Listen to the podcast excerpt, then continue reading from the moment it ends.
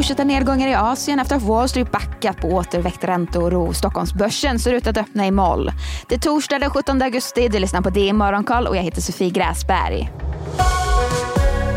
Ja, de ledande asiatiska börserna står för mestadels nedgångar. Mot strömmen går börserna i Fastlandskina där tekniktunga tjänsten stiger en halv procent medan breda Shanghai-börsen rör sig i sidled.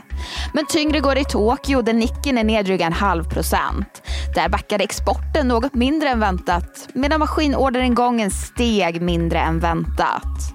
Och Hongkongsbörsen som nu handlas i björnmarknad återhämtade sig under handelsdagen och backar nu med lättare nedgångar.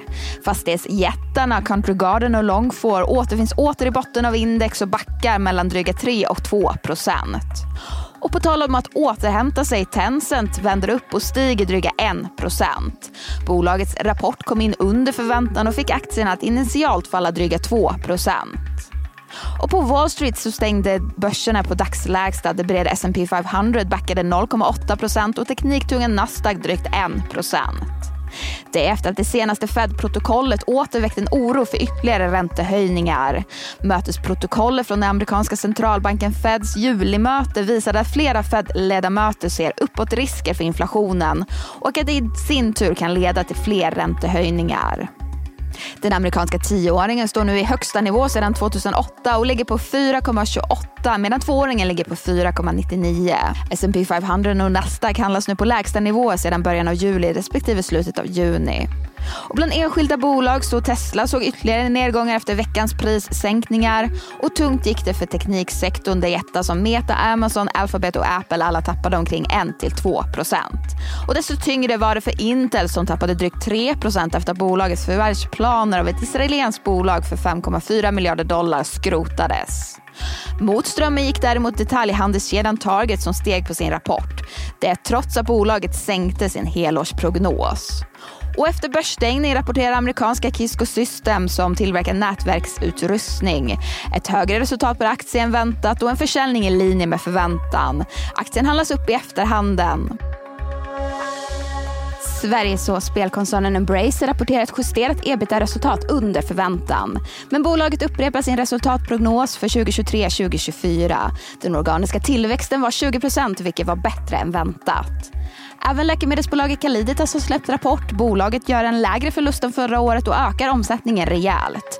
Den landade på 269 miljoner kronor varav försäljningen av bolagets produkt Tarpeio uppgick till 259 miljoner kronor. Omsorgsbolaget Ambea redovisar ett lägre resultat än i fjol på 167 miljoner kronor. Nettoomsättningen däremot ökade med 5 till 3,3 miljarder. Och senare idag rapporterar även Nibe. Bolaget tillhör de senaste månadernas stora börsförlorare med ett kursfall på 20% sedan rapporten för första kvartalet. Och i veckan flaggade Ålandsbanken för att den tyska värmepumpsmarknaden visar svaghetstecken som kan komma påverka även Nibe. Och fastighetsbolaget SBB har nu fått in de 2,4 miljarder kronor man sökte genom att bilda ett nytt dotterbolag med bostadsfastigheter. Pengarna kom från en investeringsfond hos Morgan Stanley som köpte preferensaktier i det nya bolaget. Och pengarna ska SBB använda för att få ner sin skuldsättning. Försäljningen inom svensk dagligvaruhandel ökade med 6,1 procent i juli jämfört med motsvarande månad föregående år. Men det är försäljning i fysisk butik som står för uppgångarna medan e-handeln minskar med 0,9 procent. Och vi har en spännande dag framför oss. Vi får norskt räntebesked. Sist så höjdes räntan oväntat med 50 punkter istället för 25.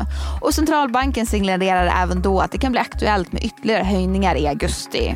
Vi får även Philadelphia Fed Index från USA som väntas landa på minus 10 från tidigare minus 13,5. Men det var allt för den här nyhetsuppdateringen. Missa inte Börsmorgon som drar igång kvart i nio och sedan släpps som podd. Eller Börskoll klockan två. Det är Morgonkoll tillbaka igen imorgon. Jag heter Sofie Gräsberg.